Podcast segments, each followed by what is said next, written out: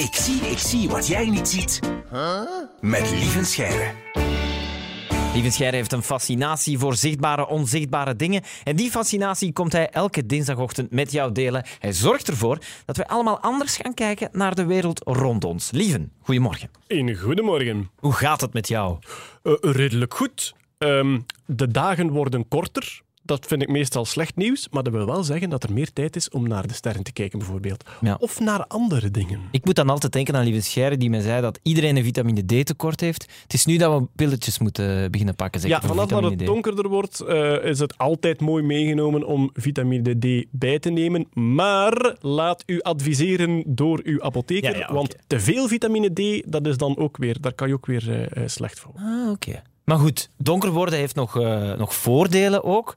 Want er is van alles te zien, s'avonds. Allee, dat zeg jij, hè? Ja, ja, ja, ja, absoluut. En daarover wil ik het deze week graag hebben. Oké. Ik zie, ik zie wat jij niet ziet. En het is overvliegend speelgoed van Elon Musk. Elon Musk, de baas van Tesla en van... eh, wat heeft hij nog allemaal? SpaceX, Neuralink, The Boring Company. Ja, die Maar- man heeft al eens een hobby nodig. Zichtbaar met het blote oog, hè? Ja, ja, ja, absoluut. Is dat makkelijk te zien? Dat is zeer gemakkelijk te zien. Ik heb het namelijk over satellieten. En ik zeg nu wel de satellieten van Elon Musk, omdat die vaak het mooiste schouwspel leveren. Was dat ook die Starlink, dat Ja. treintje zo? Dat is dat satellietentreintje. Was prachtig. Maar wat ik eigenlijk bedoel is, elke avond zijn er constant satellieten te zien aan onze hemel. Er vliegt zoveel door de lucht dat je gewoon kan gaan buiten zitten en op satellietsafari gaan.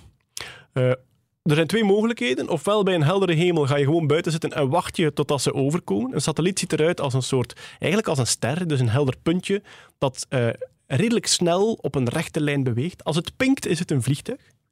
Ehm, maar dus elke avond kan je gewoon buiten zitten en wachten tot ze overkomen. Wat nog leuker is, dat is een app installeren waarop ze voorspeld worden. En die app zegt dan, kijk om zo laat naar daar, en dan zie je hem overkomen. En dan staat daarbij, dit is de Nozdrovnilje satelliet eh, 23 en die dient daar en daar en daar. Wauw. En dan krijgen ze de hele uitleg. Ehm, die Starlink-lanceringen zijn echt wel het tofste, omdat die, ja, in het begin hangen die allemaal op een rijtje. Zie je zo'n mooie trein. Maar als je echt geluk hebt, als de aarde juist staat tijdens de lancering, kan je die gewoon zien over België vliegen. En ik heb dat meegemaakt eh, met mijn kinderen, nu een paar maanden terug. Dus effectief de lancering live bekijken op het internet, want die wordt dan live gestreamd. En dan naar buiten lopen. En dan twintig minuten later kwam die raket gewoon over ons hoofd. En dan kon je gewoon echt die heldere vlek zien van die raket. En dan de volgende dag kwam dat treintje over. En dan gaan die satellieten steeds verder uit elkaar vliegen. Musk wil een paar duizend satellieten lanceren. Jeff Bezos ook. Dat is die van Amazon, hè? Amazon ja, die wil ook zo'n netwerk van satellieten. En dat is om overal internet op aarde te kunnen hebben. Ook op plekken waar dan geen bekabeling is, bijvoorbeeld.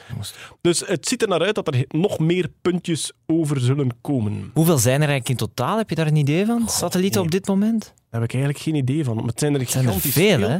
Ja, nu, tv-satellieten die zien we niet, want die hangen veel verder weg. De satellieten die wij zien hangen maar 300 tot 500 kilometer hoog. Oké. Niet zo heel hoog, dat is ja, van hier tot Parijs ongeveer. Ehm, en het internationaal ruimtestation hangt ook op die hoogte. Kan je ook vaak zien overkomen. Ook weer, als je een app opzoekt voor satellieten of het ISS, dan vertelt hij u altijd wat er overkomt. Ja, maar er zijn al mensen die vragen welke app dat dan is. Heb je daar, kan je dat zeggen? De naam van zo'n ik, app? heb er, ik heb er een paar. Ik Zeker heb, dat. ehm, eh, ISS-tracker heb ik onder andere. ISS-detector. Eh, satellite Tracker, Satellite Safari, Satellite Watcher. Ja. Allemaal apps. Je hebt ook een aparte Starlink-app, speciaal voor die Starlink-dingen te zien overkomen. Nu, het tofste bij een satelliet is als die een flits geeft. Soms gebeurt het dat een bepaald zijvlak van de satelliet zodanig in de zon hangt, dat die een exacte weerkaatsing naar uw plek op de aarde geeft. En dan kan je zo twee, drie seconden echt een zeer heldere flits zien. Ja, ja. De beste satellieten daarvoor eh, die zijn helaas weg. Dat waren de Iridium-satellieten en die zijn allemaal uit roulatie gehaald twee jaar terug. Maar af en toe gebeurt het nog dat je echt zo een heldere flits ziet. En ook dat kan je opzoeken op setflare.com. is een website waarop ze die proberen voorspellen voor uw plek. Maar het ISS vind ik nog altijd het bijzonderste, want als je het ISS ziet overkomen, dan vliegt daar een stipje door de lucht waar zes mensen in wonen. Ja, Dat-? Ja, dat vind ik echt fantastisch. Als je daar naar kijkt en dan is zwaait en denkt, hallo. En mag je dan eigenlijk ook een wens doen? Zoals bij Vallende Sterren? Van mij wel. Voilà, dat is dan bij deze beslist. Gratis wensen en gratis entertainment. Merci, lieve Scheire. Tot volgende week dinsdag. Met plezier. Check ook de andere afleveringen van Ik zie, ik zie wat jij niet ziet. En luister elke werkdag naar Maarten en Dorothee. Van 6 tot 10 bij Q-Music.